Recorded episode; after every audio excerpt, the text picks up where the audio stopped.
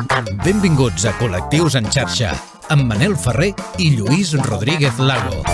Benvinguts i benvingudes al Col·lectius en xarxa. Avui tornem a parlar d'etiquetes i d'identificar-se o no amb la que ens marca la societat. Ens aproparem a la realitat de les persones no binàries, Manel. Exacte, parlarem amb Darko de l'Associació No Binàries Espanya que ens acompanyarà i ens ajudarà a entendre la realitat de les persones no binàries i ens parlarà de la feina que s'està fent des d'aquesta mateixa associació. Avui, al Col·lectius en xarxa No, No Binàries. Estàs escoltant Col·lectius en xarxa. amb Manel Ferrer i Lluís Rodríguez Lago.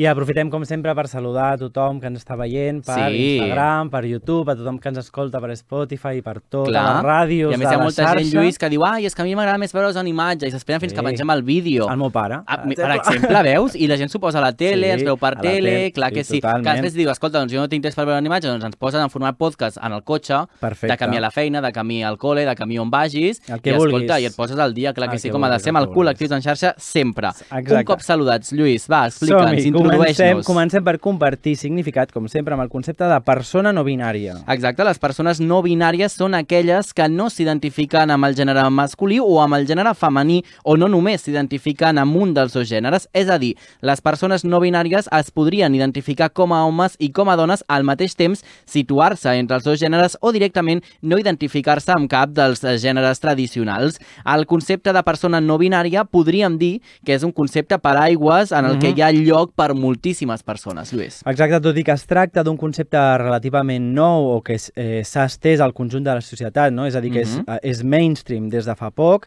al llarg de la història de la humanitat hi ha hagut persones que han sentit aquesta llunyania entre el seu posicionament i els rols de gènere que s'establien a la societat de la seva època. A la mitologia mesopotàmica ja hi havia referències a persones que no eren ni homes ni dones. També hi ha escrits de l'antic Egipte, a la cultura tradicional hawaiana o a comunitats de pobles indígenes d'Amèrica del Nord i la colonització, el cristianisme i l'erradicació de les altres cultures van uniformar i eliminar referències a qualsevol dissidència de gènere. Lluís, que també és important. A vegades Exacte. la història no s'explica del tot perquè falten parts d'aquesta història. Ah, exacte, Clar. perquè ens les hem carregat pel Exacte. camí. Actualment, persones tan conegudes com Sam Smith, Demi Lovato, Elliot Page o Sara Ramírez, que va actuar a algunes temporades de la sèrie d'Anatomia de Grey i més recentment ho ha fet a l'spin-off de Sex and the City, o Ruby Rose, que va ser la Batwoman a la primera temporada d'aquesta sèrie, que podeu veure a HBO Max, Sí. o Jonathan Van Ness, no, que n'hem parlat alguna vegada en aquest programa, que és una de les estrelles del programa Queer Eye,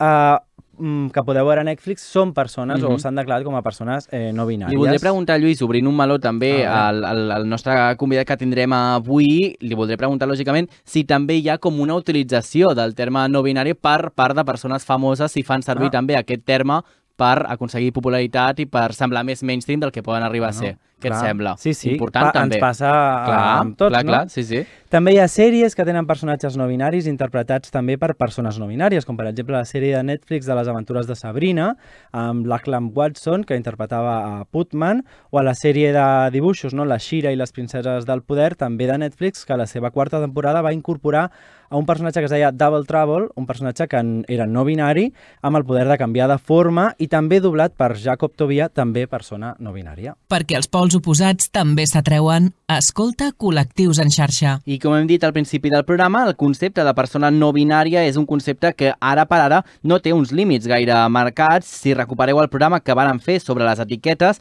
veureu que una de les conclusions a les que vam arribar és que les etiquetes sempre han d'anar a favor de les persones i no en contra. Doncs el concepte de persona no binària porta aquesta idea impregnada fins al punt que podríem dir que no hi hauria d'haver unes característiques que ens podrien servir per definir les persones eh, no binàries. A vegades són persones que volen eh, transgredir amb la seva manera de mostrar-se, amb la seva manera de vestir segons les normes establertes pel binarisme de gènere, és a dir, persones que podrien llegir com a homes que porten maquillatge o roba tradicionalment associada a la dona o persones que podria llegir com a dones que al contrari vesteixen o es mostren en societat amb roba que associaríem als homes. És a dir, també hi ha una gran part de reivindicació en tot plegat. Sí, Lluís, exactament. Eh? Quan Mhm. parlem de binarisme o no binarisme, entren en joc mecanismes i maneres de fer per les que la societat ens ha pràcticament programat, com per exemple la classificació entre Sí. home i dona. El més normal del món és que el nostre cervell classifiqui d'aquesta manera. És per això que ara fa un moment parlaven del concepte no? de com llegim a les persones i que aquestes alçades el que hem d'entendre és que pressuposar no? que coneixem mm -hmm. El gènere de les altres persones per com les estem llegint nosaltres, és a dir, per com les estem classificant, eh, segons el seu físic o la seva manera de vestir, ens pot portar a cometre errors. Exacte, i és que fa temps que es parla de preguntar pels pronoms d'una persona quan l'estàs coneixent, per saber com dirigir-te a aquesta persona o directament presentar-te a les persones que coneixes dient els pronoms pels que vols eh, que se't dirigeixin directament a tu, no? Quan preguntem pels pronoms d'una persona ens pot contestar ell, ella o elli si intentem parlar també en català, Lluís, que també és Exacte. important com de ric és també el nostre vocabulari en català, eh? Totalment. I aquí topem, topem eh, de nou amb el llenguatge inclusiu i llavors, si no tens gaire sort, sí. podràs topar amb aquella gent que volent que estiguis tranquil et diu allò de que el català i el castellà ja tenen una forma d'anomenar tothom.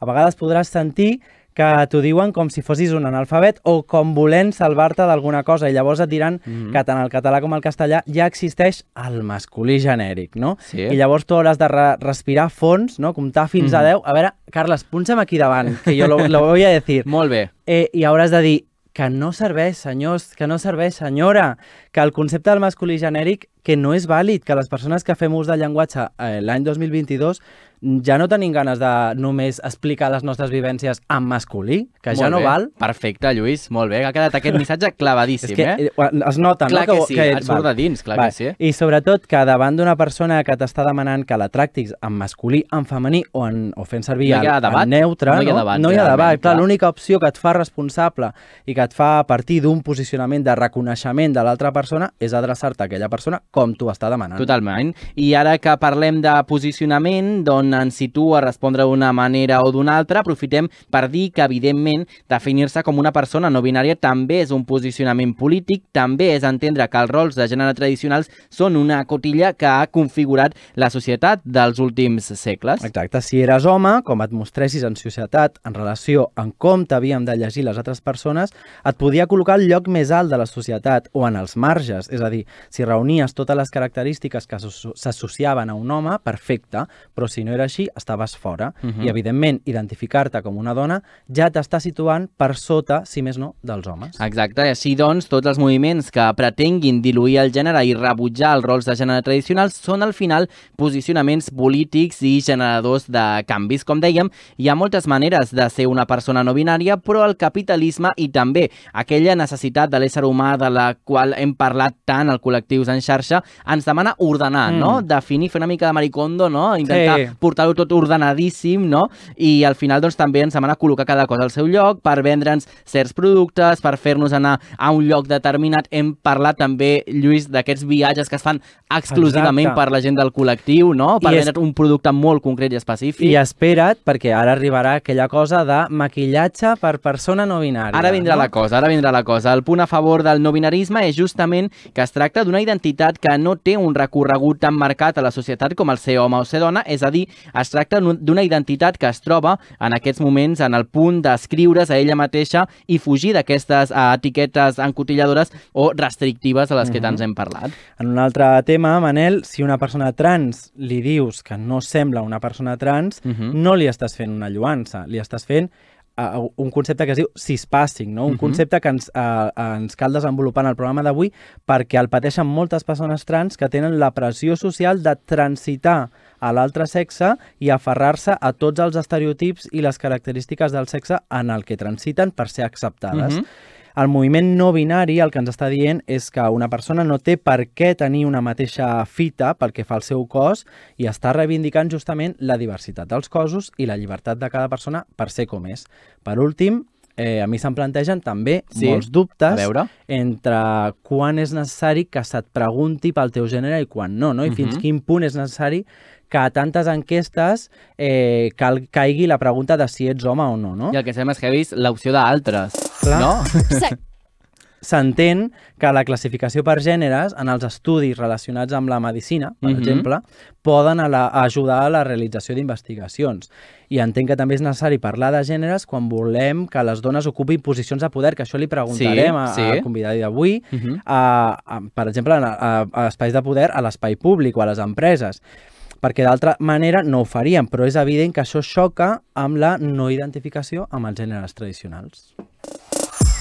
Segueix-nos a les xarxes. Busca'ns i recupera tots els nostres programes, imatges i vídeos exclusius. Col·lectius en xarxa, a Twitter, Instagram i a les principals plataformes de podcasting.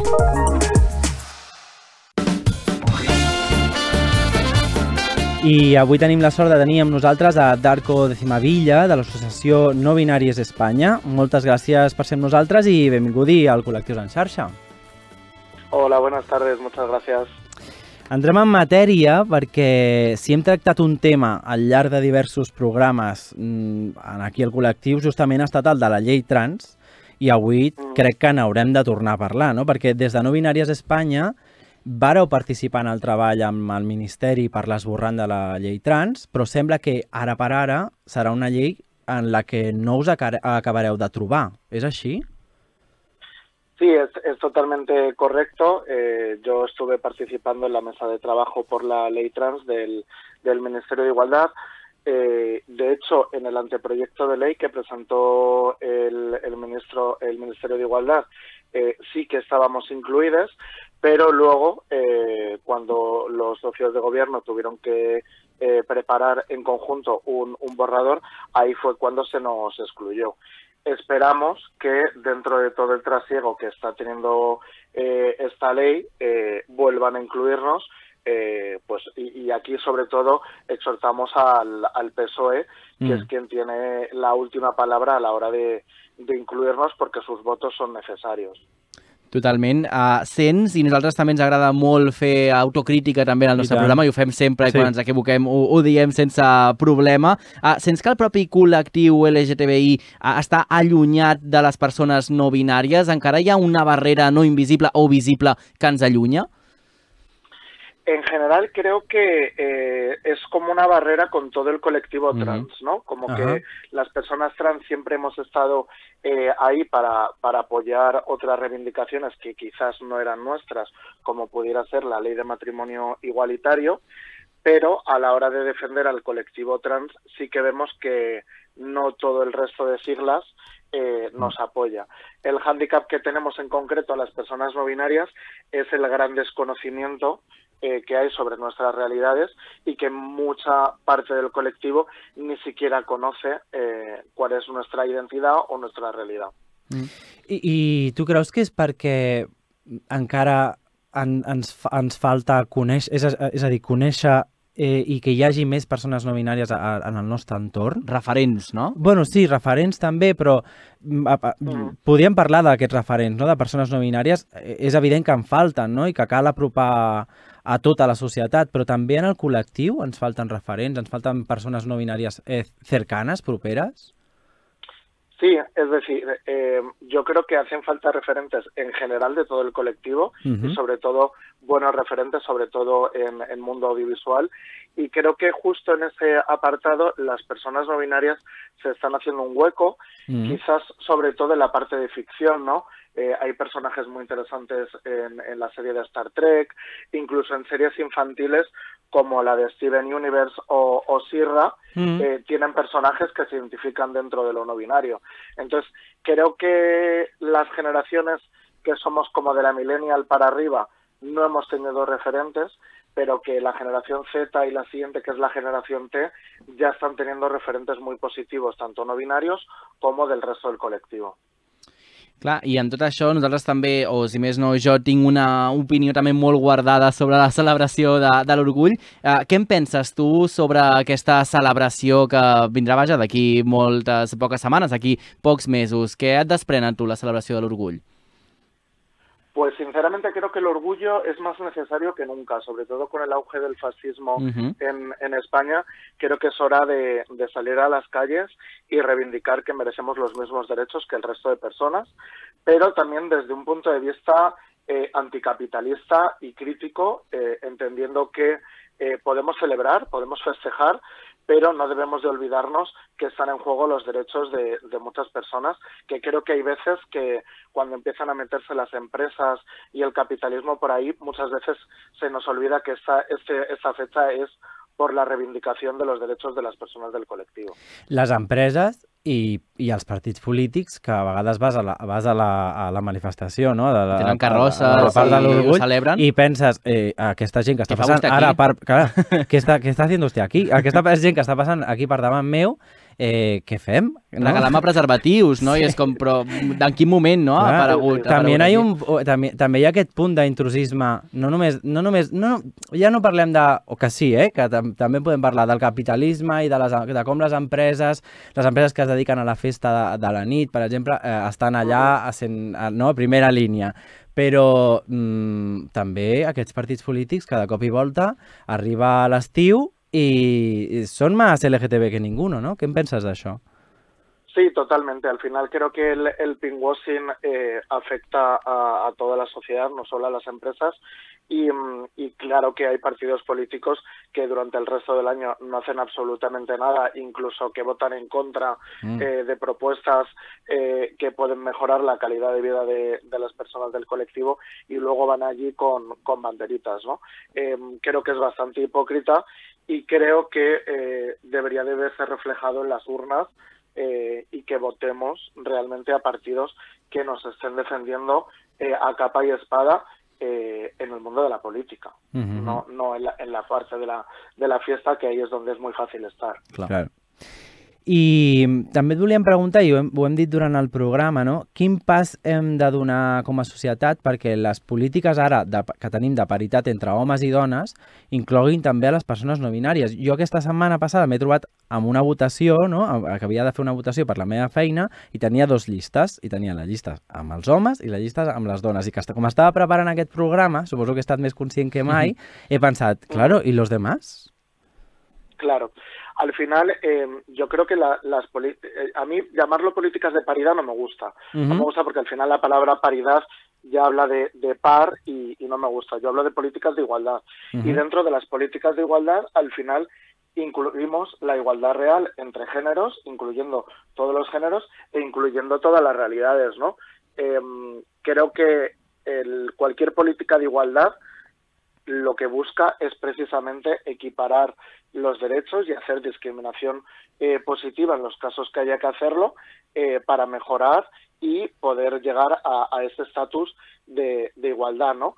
Y esto quiero recalcarlo bien Mm. y es discriminación positiva y hacer cosas que no menoscaben los derechos de otras personas, ¿no? Porque este movimiento reaccionario que dice que sobre todo las personas no binarias venimos a quitar cuotas a las mujeres o espacios a las mujeres, no es cierto. De hecho, eh, siempre hemos abogado, por ejemplo, en, en las cuotas eh, estas a las que te refieres tú de, de paridad, por una muy sencilla que se llama el 50 plus, que es un 50% de mujeres mínimo y, claro y aclaro lo del mínimo y después ya incluirnos en el otro 50% al resto de realidades dejando claro que debería de haber representación de todos los géneros en el caso de que los haya. Es decir si no hay personas no binarias que se presenten Claro. pues que no lo hagan Claro. sabes que, que no pasa nada. Pero que en ningún caso creo eh, personalmente y creo que el resto de mi asociación opina lo mismo que una persona no binaria deba de ocupar una cuota reservada a la mujer porque las mujeres sabemos que también son discriminadas socialmente, políticamente, económicamente y no debemos de ocupar esas plazas, sino de los hombres que son quienes normalmente están más privilegiados. I, I aquesta proposta, hi, hi, ha, hi ha consens entre les associacions de persones no binàries amb aquesta proposta? El que, perdón, eso no te lo he entendido bien. ¿Hay consenso entre las asociaciones no binarias con esta propuesta que, has, hecho- que nos, has, nos has dicho tú? Pues teniendo en cuenta que creo que somos la única asociación de personas no binarias, Vale. hay, hay, hay bastante. Hay bastante consenso. No sé- Perfecto. No sé si hay otra asociación en, en algún apartado regional o Ajá. autonómico, pero a nivel estatal, eh, que sepamos, somos la, la Sí única y, y entonces no te puedo decir consenso hay en tanto que somos la única, ¿no? Habría que hablarlo con, con todas las personas no binarias. Ya, Pero al final que, creemos que, eh, sobre todo cuando hablamos de políticas de igualdad, estamos hablando de feminismo y de Claro. transfeminismo. No- creo que no nos entra en la cabeza eh, avanzar en derechos para las personas no binarias menoscabando los derechos de las Exacte. mujeres. Creo que no tiene mucho no sentido. té cap sentit. Sí, sí, sí. Totalment. Uh, parlem una mica d'esport, també. La pregunta que ens fem, com incluïm a les persones no binàries a les competicions esportives i quins canvis hauríem de fer, no? Perquè és cert, Lluís, eh, en aquests 65 eh, programes que portem, l'esport ha aparegut de manera recurrent en les diferents entregues, en els diferents casos. En el cas de les persones no binàries, com fem aquesta integració i perquè sigui una integració real, que no sigui de postureig, sinó que sigui de veritat? Com ho podríem fer? Pues mira, yo siempre que me hacen esta pregunta eh, recurro a lo mismo. Mm. Eh, para incluirnos a las personas no binarias en las competiciones deportivas, primero habría que ver si hay alguna persona no binaria que quiere entrar en una competición deportiva que yo al menos no conozco y, y no por darme aires, pero conozco bastantes personas no binarias, eh, pero que, que jueguen en altas ligas, por así decirlo, no conozco. Y creo que el centrar el tiro en esto al final es eludir la responsabilidad que debe de tener el Estado de reconocernos a las personas no binarias a nivel jurídico. Es decir, no, no me voy a plantear cómo entrar en una competición deportiva si ni siquiera me reconocen Claro. eh, a nivel jurídico en mi Estado. En ¿no? Entonces-. Ja, Claro, ja, ja. entonces creo que es eso. Y luego sobre las competiciones deportivas, hay algo que también siempre digo, creo que lo que hay que analizar es el modelo de competiciones deportivas de competición nada sana y basados en el capitalismo de ganar dinero, en el que, por ejemplo, aquí vemos otra vez cómo las mujeres son discriminadas y que se tienen que pagar muchas veces los viajes eh, o ganan muchísimo menos dinero que los hombres, ¿no? Estem Creo molt d'acord, eh, això nosaltres. Claro, el planteamiento es más cómo convertir las competiciones deportivas en algo inclusivo para todas las personas y no centrar en un modelo capitalista que centrarnos en cómo incluirnos a un grupo de personas que no sabemos qué cantidad de gente va a querer acceder ahí. Ah, Total, totalment d'acord, i això um, us ho prometo que li plantejava eh, l'altre dia a, a, amb una amiga, eh? però penso que és com una sacsejada, no? És, un, sax, és eh, com, ara no sé dir en castellà, eh? però és com, és com Una sacudida. una sacudida tan, tan enorme del sistema ¿no? Que, que, que es, eh, bueno, me, mm, me parece que, que a mucha gente le está explotando la cabeza en estos momentos, que me parece muy bien que le explote, ¿eh? Clar pero que bueno, sí, va d'això, va de va va de Bueno. reflexionar. Al, Eh, final, al final las personas no binarias venimos a eso también, ¿no? A Claro. explotar las cabezas y a, y a deciros que vivimos en un sistema que, que hay que romper. Hmm. Es decir, y, y y- y precisamente yo siempre lo digo, creo que las personas no binarias podemos ser la punta de lanza Mm. para acabar con muchas otras discriminaciones y, y cosas que existen en la sociedad, porque eh, es que el, el otro día lo hablaba con una persona, es que hasta en el, en el colegio, es que en el colegio, eh, cuando nos hablan de biología y nos hablan de dos cuerpos, Mm. ¿qué dos cuerpos nos enseñan? Claro. Dos cuerpos delgados, dos cuerpos blancos, Total. dos cuerpos perfectos para mm, quien haya hecho ese libro. Eh, huimos también de eso. Es que al final queremos que el paradigma es cambiar la sociedad por completo y romperla tal y como está. Mhm. Doncs sí, i de fet volíem també conèixer, ens hem centrat molt en el tema que ens ocupava avui, però també volem que ens expliquis com va néixer No Binàries Espanya i coneix i saber també quins són els objectius i els plans que teniu eh, de futur més o menys eh, immediats. Pues mira, No Binarios España realmente nació como una cuenta de Instagram, siempre me hace mucha gracia contarlo. Eh, fue una cuenta de Instagram que creamos eh, mi compa Caen y yo hace dos años y medio, creo, más o menos, y lo hicimos porque creíamos que había muy poca representación de las personas no binarias, muy poca información, y creamos la cuenta. A la cuenta nos llegó muchísima gente diciendo que quería sumarse al proyecto y al final nos juntamos con otro compa de, de aquí de Madrid y, y formamos la asociación. Y la asociación nació como un espacio no mixto porque queremos mm, de una manera muy bestia en los espacios no mixtos porque acaba de pasar, por ejemplo, y, y llevo toda la mediodía y la tarde quejándome de la ley de Castilla-La Mancha, ¿no? Todos los colectivos LGTBI están celebrando una ley que no incluye a las personas no binarias. Precisamente por eso nacemos, porque nuestro objetivo es reivindicar los derechos en concreto de las personas no binarias y defenderlos a muerte. ¿Qué, es, ¿Qué, es, lo que es lo que estamos haciendo? Pues con la ley transestatal eh, y con otras leyes y, y, y, defendiendo al final lo que creemos que es un, un, derecho fundamental que debería de estar recogido, que es que se nos incluya dentro de la sociedad de, de forma jurídica y social. Uh -huh. Totalment. Doncs, Lluís, acabarem també volent que es faci també una mica de publi, de promo sí, del que vindrà, no? Sí, perquè Darko està a punt de treure un llibre, no? Sí, eh, estoy en ello, a ver si me da tiempo, la verdad, eh, que me está la editorial ahí pinchando un poquito a ver si escribo más rápido, ¿no?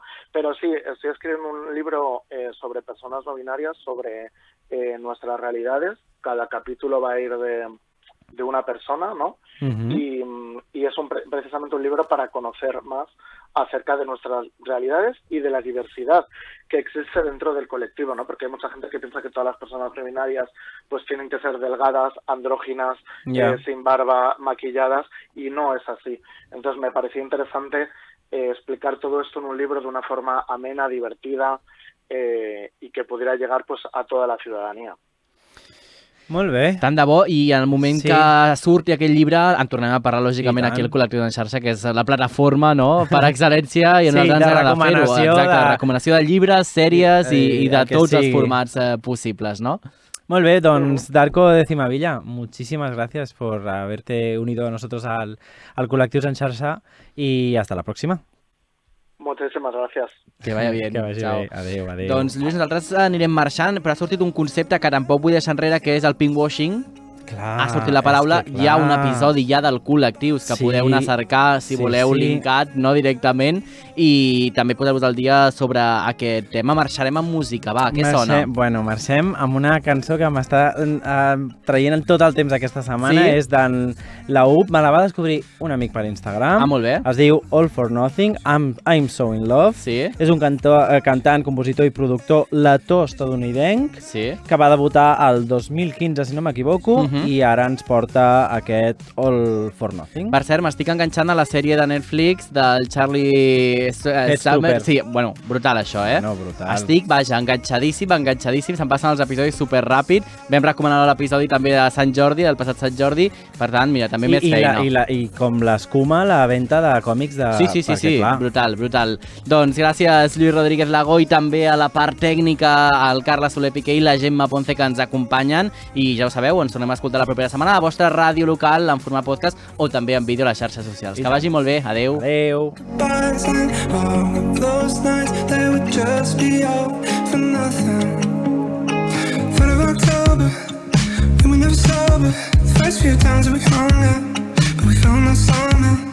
First time that I met you, I didn't have a damn clue I love everything about you.